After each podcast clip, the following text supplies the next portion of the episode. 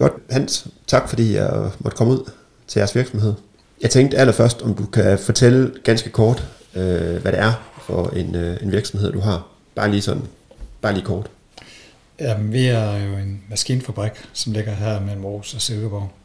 Og der arbejder cirka 100 medarbejdere her, og så har vi 10 øh, medarbejdere i USA. Så vi laver maskiner øh, og blandeanlæg til betonindustrien. Øh, det er alt fra doseringsudstyr til betonblandere til øh, styringerne af dem. Og det er noget, vi selv udvikler her i firmaet, og vi producerer det selv, og vi øh, tager selv ud og monterer det, og så servicerer vi det også. Ja. Så er jeg lidt nysgerrig for at høre, I har været igennem sådan en proces, både i forhold til elektrificering og i forhold til, til omstilling til, til vedvarende energi. Øh, og, øhm, og også i forhold til øh, at nedbringe energiforbruget. Kan du, kan du prøve at sige lidt om øh, de her tre ting? Ja. Øh, hvis vi skal tage baggrunden for det, så i 2016, der tog vi jo en beslutning her i firmaet om at lave en total energiomstilling af alt, hvad der fandtes inden for vores egen matrikel. Og grunden til, at vi gjorde det, det var jo egentlig en frustration over, at der skete så lidt øh, på klimaområdet, både øh, blandt firmaer, men også inden for, for stat og det offentlige. Og så tænkte vi, jamen vi kan da i hvert fald starte med at, at rydde op i vores eget hus først, før vi begynder at brokke os over, at der er andre, der ikke foretager sig noget som helst. Så, så det var det, vi gik i gang med i 2016. Og det vi gjorde, det var jo i bund og grund en energiomstilling, hvor der er sådan, vi tog en beslutning om at gå væk fra fossile brændsler inden for vores eget firma. Og på daværende tidspunkt, der brændte vi jo øh, for eksempel gas af til opvarmning af vores haller og vores lokaler. Vi brændte øh, olie af til opvarmning af vores malekabine. Så havde vi en, en række personbiler, som vores sælgere, vores ingeniører og servicefolk kørte rundt i, som brændte benzin af. Og så havde vi nogle øh, servicebiler, som kørte på diesel. Så vi brændte gas og fyringsolie og diesel og benzin af i stridestrømmen. Og det var så det, vi skulle stoppe med. Og så i stedet for, så skulle vi jo så finde på noget andet. Og der havde vi så en metode, som vi kørte efter, hvor der er sådan, vi sagde, at i stedet for at brænde fossile energi af, så skulle vi så elektrificere vores energiforsyning. Så skulle vi sørge for at lave en, en energibesparelse, så vi selvfølgelig ikke brugte mere energi end højst nødvendigt, og så skulle vi sørge for, at den energi, vi brugte, eller den strøm, vi brugte, den var grøn. Så det var egentlig den metode, vi havde. Og så i, i 2016, der vidste vi ikke så meget om, hvad, hvad lang tid vil det her tage, eller hvad det koste. Så vi gav os selv en, øh, en tidsperiode på fem år, i, øh, som passede sammen med en række andre investeringer, vi foretog os på det andet tidspunkt. Og så gav vi os selv et budget, som var 20 procent af vores årlige overskud før skat. Og hvis man så lægger det sammen over fem år, så er det jo så et budget på et års overskud før skat, som vi vil investere i den her energiomstilling. Og det gik vi jo så gang med i 2016, som sagt, og der har vi så stille og roligt fået det øh, indført i firmaet, så her i 2020-2021, der var vi egentlig kommet i mål med den her energiomstilling. Det vil sige, at vi brugte ikke mere øh, fossil brændstof i vores firma. Øh, så al vores opvarmning i dag, det foregår ved hjælp af varmepumper, og vores malekabine, den kører også ved hjælp af varmepumper. Og så har vi vores, for eksempel øh, i vores øh, produktion, der har vi en del gaffeltrucks, de kører alle sammen på el. Øh, hele vores bilpark er udskiftet til elbiler, undtagen. Øh, vi har stadigvæk nogle dieseldrevne montørbiler, men der køber vi sådan noget, øh, noget biodiesel ind, som har 90% reduktion af CO2-aftrykket i forhold til normal diesel, som vi så fylder på herhjemme, når vi kører ud med dem. Så har vi lavet en, en lang række energibesparelser. For eksempel, vi har de her store haller, som vi snakkede om før, hvor der sidder nogle store porte om, om vinteren, for eksempel, som nu har vi jo vinter lige nu. Så når portene kører op og i, så forsvinder luften, altså den varme luft ud af porten inden for hallerne, og så skal vi jo så bruge energi på at varme den op igen. Plus det giver også en del træk i vores haller på vores medarbejdere.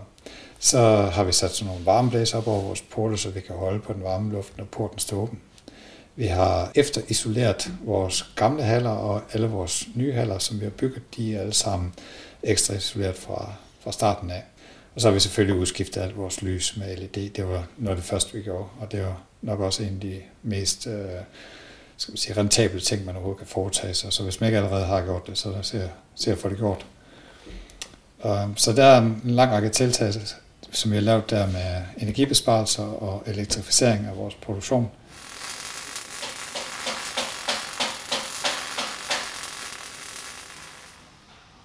Og så var den sidste ting, det var så det der med, at vi skulle have grøn strøm, i stedet for øh, det her fossile brændsel blev bragt af. Og på daværende tidspunkt i 2016, der var strømmen, som man fik ud af stikkontakterne i Danmark, der var ikke specielt grøn. Det var over 200 gram CO2, der blev brændt af øh, per kilowatt-time, man hævde ud af stikkontakten. Og det synes vi ikke, det var godt nok. Så i stedet for, så har vi investeret i, øh, i alt fem solcelleanlæg nu, som dækker på årlig basis om cirka 30 procent mere øh, strømforbrug, end vi egentlig har. Og det vil sige, at vi sætter det strøm ud på nettet. Men, men selvfølgelig, man har jo mest strømproduktion fra solceller om sommeren og mindst om vinteren. Øhm, og det betyder så, at vi kan dække vores egen strømforbrug fra marts til og med oktober, det vil sige øh, 8 måneder om året. Og så de sidste fire måneder, det vil sige vintermånederne, der ligger vi et sted mellem 10 og 50 procent, og der kører vi så vindmøllestrøm ind for nettet for de sidste. Så er der selvfølgelig også det med solceller, det virker jo ikke så godt om natten. Så derfor der har vi også nogle batterisystemer, så når vi har overskydende produktion af sol, så lager vi den på vores øh, batterier, og så bruger vi så det til øh, vores natdrift. Og vi kører kun et holdskift derude, så vi har ikke sådan to holdskift for folk, der står og arbejder om natten. Men der er jo altid et eller andet, som står på strøm, og det kan være varme eller ventilation eller den slags server, ting, der ikke er lige blevet slukket. Og den kører vi så strømmen over vores batterier, så vi kan, vi kan egentlig køre på grøn energi døgnet rundt i de der 8 måneder om året.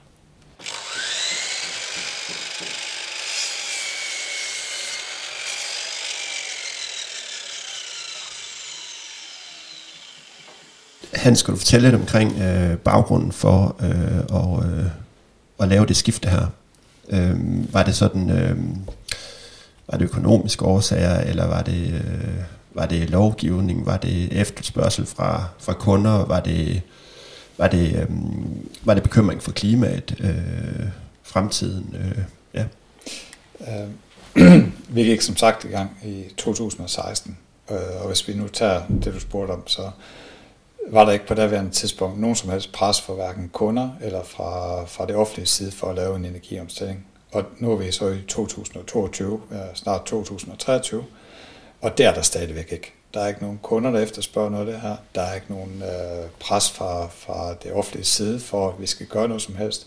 Øh, der er ingen, der beder os om at lave en grøn omstilling overhovedet her i firmaet. Øh, grunden til, at vi gjorde det i sin tid, det var egentlig en øh, personlig frustration over, at der ikke skete ret meget på øh, den nødvendige energiomstilling eller grønne omstilling i samfundet generelt. Det skete ikke blandt firmaer, det skete ikke øh, inden for det offentlige, og det skete heller ikke, når man kiggede ud omkring sig i verden. Der var selvfølgelig øh, en, ud, der var lavet en del teknologi, for vindmøller og den slags ting, eller solceller også, som, som var begyndt at blive rullet ud, men det var slet ikke hurtigt nok, og slet ikke det omfang, som var nødvendigt. Øh, og det var jo ret tydeligt, hvis, der er sådan, man, hvis man vil sætte sig ind i den videnskabelige litteratur, hvor vi er på vej hen af, hvis vi ikke foretager os noget. Og vi er på vej mod et, et rigtig, rigtig skidt sted i fremtiden, hvis der er sådan, vi ikke får gjort noget ved den afbrænding af fossile brændstoffer, der foregår i verden i dag. Så i 2016, der havde vi sådan set egentlig fået nok, og og så kan man jo sidde og være surt løg og brokse over det. Øh, men i stedet for, så besluttede vi for at rydde op i vores eget hus. Øh, så har vi det mindste gjort det. Øh, og så kunne man jo så efterfølgende bruge det til et afsæt til at komme videre med, med nogle andre ting. Så det var egentlig baggrunden for, at vi gik i gang i 2016. Det var en frustration over, at der ikke skete noget, og så egentlig et forsøg på at i tage ansvar for, for det, vi selv udledte på det andet tidspunkt. Og det var egentlig derfor, vi gik i gang.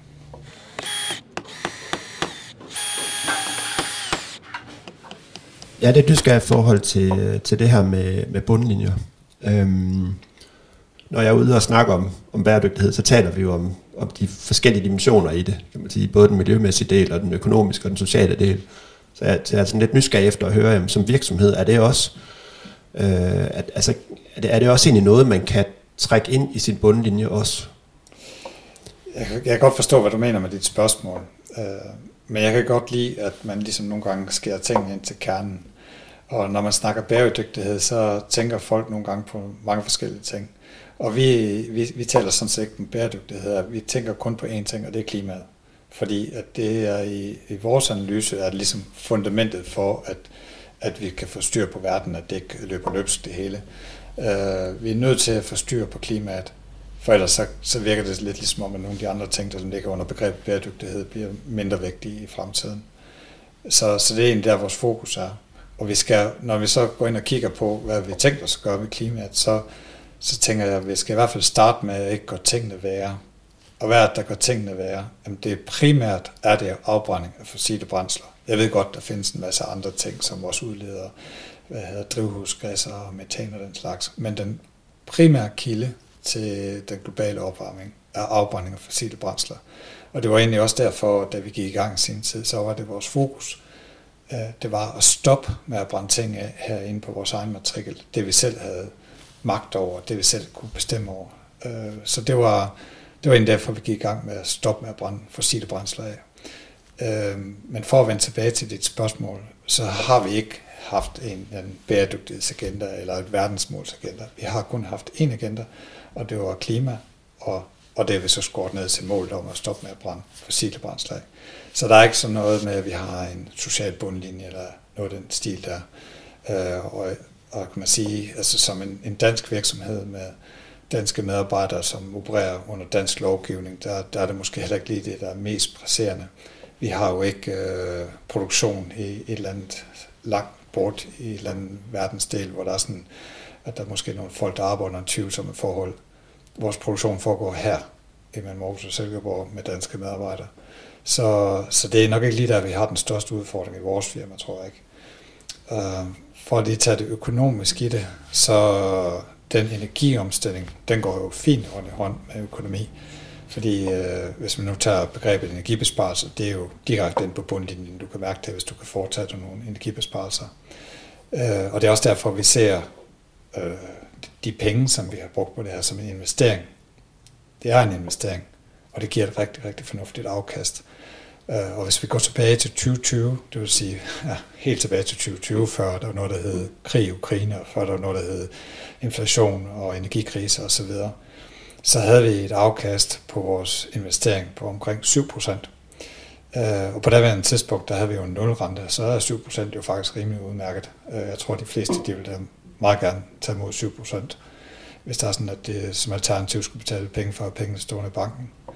Øhm, og man kunne godt have fået en højere afkast end det, vi havde, fordi vi havde valgt at gå måske længere end de fleste, ved for eksempel at købe batterier ind.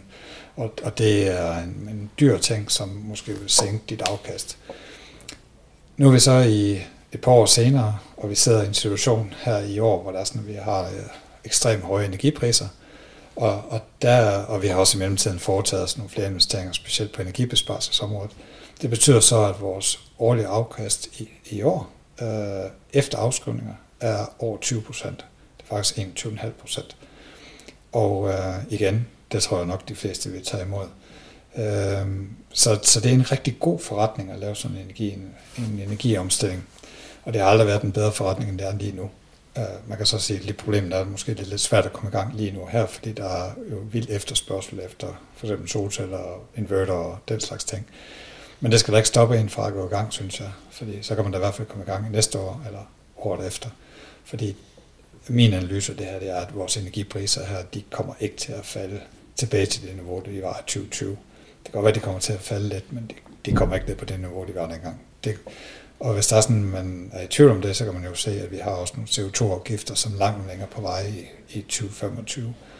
Så hvis der er sådan, man som virksomhed eller privatperson gerne vil undgå at betale for meget afgifter eller for mange penge til, til firmaer, der leverer fossil energi, så kan man jo komme i gang med at lave sin egen energiomstilling, hvis man har mulighed for det.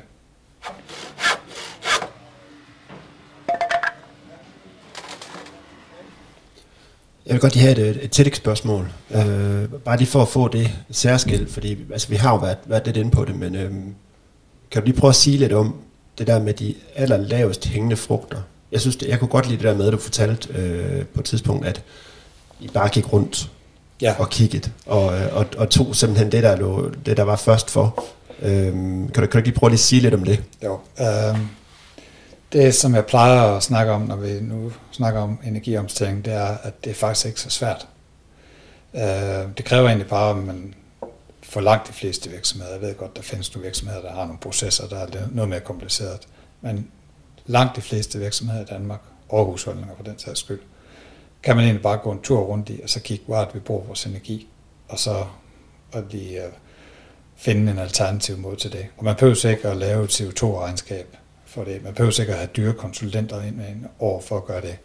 Fordi selvfølgelig kan vi da godt selv finde ud af at kigge, hvor vi bruger vores energi, og vi kan godt selv finde ud af at se, hvor der er sådan, at, øh, at vi måske har noget energifros, uh, og så få styr på det. Øh, så i vores tilfælde, der kan jeg sådan give et eksempel. Vi havde øh, for et par vinter siden, der havde vi jo øh, minus 20 grader, øh, og der havde vi bestilt en drone, der skulle komme og lave termografi af vores haller for at se, hvor, hvor var vores varme forsvandt hen. Men øh, så kom der sne, og sådan en drone, den kunne ikke øh, termografere snevejr. Øh, I stedet for, så gik vi op på vores tag, og så kiggede vi på, hvor lå der ikke sne? Jamen, det var selvfølgelig der, hvor sneen var smeltet, det var der, vores varme øh, slap ud, og i vores tilfælde, der var det på vores ovenlysvinduer. Og så fik vi alle vores ovenlysvinduer efter isoleret, og siden da, så havde vi ikke problemer med, at varmen slap ud af vores haller. Så man kan gøre det meget simpelt. En anden ting, det kunne være for eksempel, hvis der er sådan, man skal starte et sted, øh, og de fleste har nok gjort det, men hvis man ikke har gjort det nu, så kunne man jo starte med at udskifte sin lyskilder med LED-lys Øh, for vores tilfælde, der betød det en tilbagebetalingstid på halvanden år på at udskifte alt LED-lys i vores firma, så, og det gør vi i 2016, så lige siden har vi jo sparet penge hvert år på den del af det. Så der er mange lavt hængende frugter. Øh, hvis der er sådan, man har en, tager noget, så for eksempel vores gaffeltrucks, de er jo alle sammen udskiftet med elgaffeltrucks i stedet for gasgaffeltrucks. Der sparer vi jo også vildt mange penge, fordi at øh, 8 måneder om året, så henter vi jo drivmidlet, skal man sige, til gaffeltrucken der fra vores tage i form af energi for vores solceller. Det koster sådan set ikke rigtig noget, udover afskrivning på solcellerne. Øh, og så har du servicen af dem, den er jo også væsentligt lavere end, end en gasdreven gaffeltruck. Og det er sådan en generelt, når der er sådan, man går fra at have noget fossil energi til noget elektrificeret energi, at der er serviceomkostninger som regel lavere. For hvis vi sammenligner øh, den serviceomkostning, vi havde på vores gassystem til opvarmning før, og så den serviceomkostning, vi har på vores varmepumper, så er den cirka halveret også. Så det er igen et femcifret beløb, som vi sparer hvert år på serviceomkostninger. Det, man kender det jo fra elbiler for eksempel. Det koster cirka en tredjedel at vedligeholde en velbil frem for en uh, fossil bil på servicen. Så, så det går ind igen mange steder, fordi det er, en, det er mere effektivt, og det er en, en ofte simplere teknologi, du bruger, når du elektrificerer dine ting, frem for at du bruger fossile brændstoffer. Så der er meget at komme efter, også når man ser bort fra energipriserne.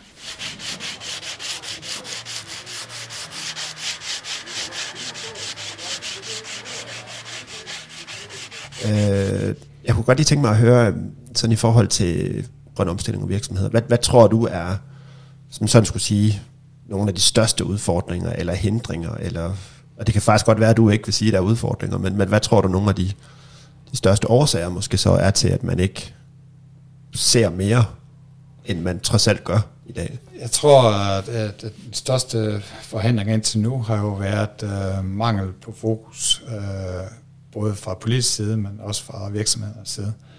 Og vi kan i hvert fald sige, at øh, med de energipriser, vi har lige nu, så har vi da i hvert fald fået fokus ind på energiforbrug, og hvor kommer energien fra. Og, og det tror jeg faktisk har været rigtig, rigtig nyttigt for den grønne omstilling, i hvert fald i et land som Danmark.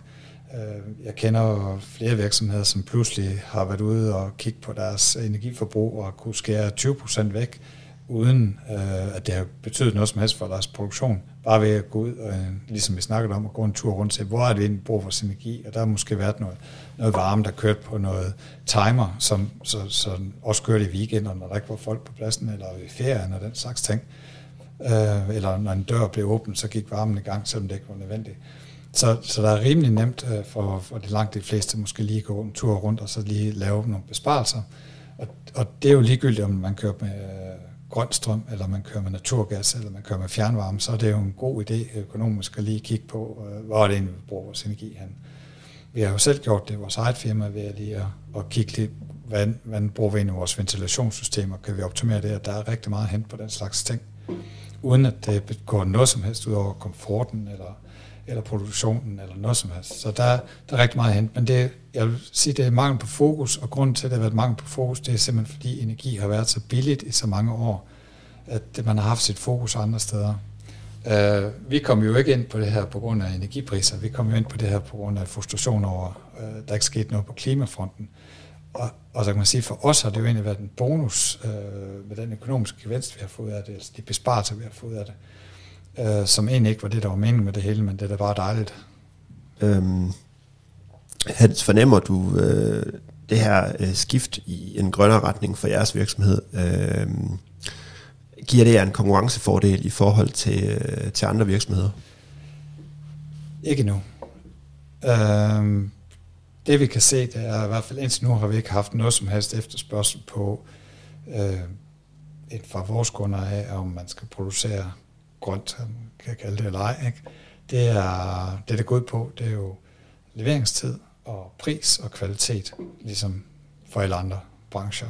Og, og det er jo egentlig også sådan, det burde være, fordi vi burde jo ikke sidde og skulle sælge vores produkter på, om man er i gåsøjne grøn eller ej. Fordi det burde bare være sådan, vi opførte os, men, men der er vi desværre ikke. Øh, jeg tror så, at øh, specielt fra nogle af vores skandinaviske kunder, der skal vi nok til at forvente i løbet af på, at vi skal aflevere noget klimaregnskab på det, vi går og producerer. Og det er vi selvfølgelig også klar til at lave, øh, så det er vi jo godt ved at sætte i søen, så, så den dag, der kommer en efterspørgsel på det, så kan vi sagtens levere det. Øh, og det vil jo så i givet fald måske give en mindre fordel. Øh, men det, jeg forestiller mig mere, at det, det bliver en del af den samlede pakke, så måske indgår det som 5-10% af en kundens beslutningsproces. Så det kan godt være, at du kan levere verdens i går så en grønneste maskine, men hvis den koster 20% mere end konkurrenten, så, så er det ikke sikkert, at du får ordren alligevel. Hans, jeg har et aller sidste spørgsmål. Ja. Øhm, hvis du nu skal komme med et råd, eller flere råd, til en, øhm, til en elev ude på, øh, på en erhvervsskole, og det kan være øh, flere forskellige, som sidder og lytter til det her. Ja. Er der et eller andet, som du vil sige til dem? Altså jeg vil først øh, starte med at sige, at jeg synes, det er super fedt, I vælger at tage en håndværksmæssig uddannelse, fordi der har jo gennem Danmark, eller igennem mange år her i Danmark jo været pres for at akademisere uddannelserne, så folk de skal absolut læse videre til alt muligt mærkeligt.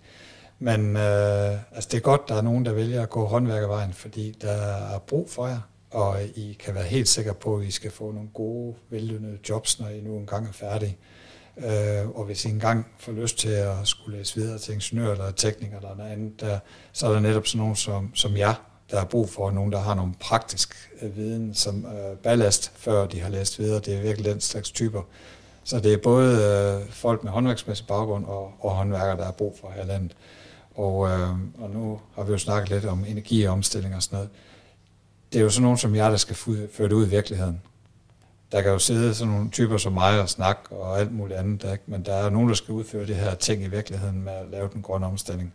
Og det er jo jer, der gør det. Og jeg synes, det er super fedt, I, I har valgt at tage den uddannelse. Så jeg håber, I holder ved, og jeg håber, I, I får en god oplevelse øh, som lærlinge og jeg håber, I får nu et godt arbejdsliv, når I er færdige som øh, håndværker engang, fordi det er sådan noget, som jeg og Danmark har brug for. Hans, tusind tak, fordi jeg måtte komme. Ja, det var slet.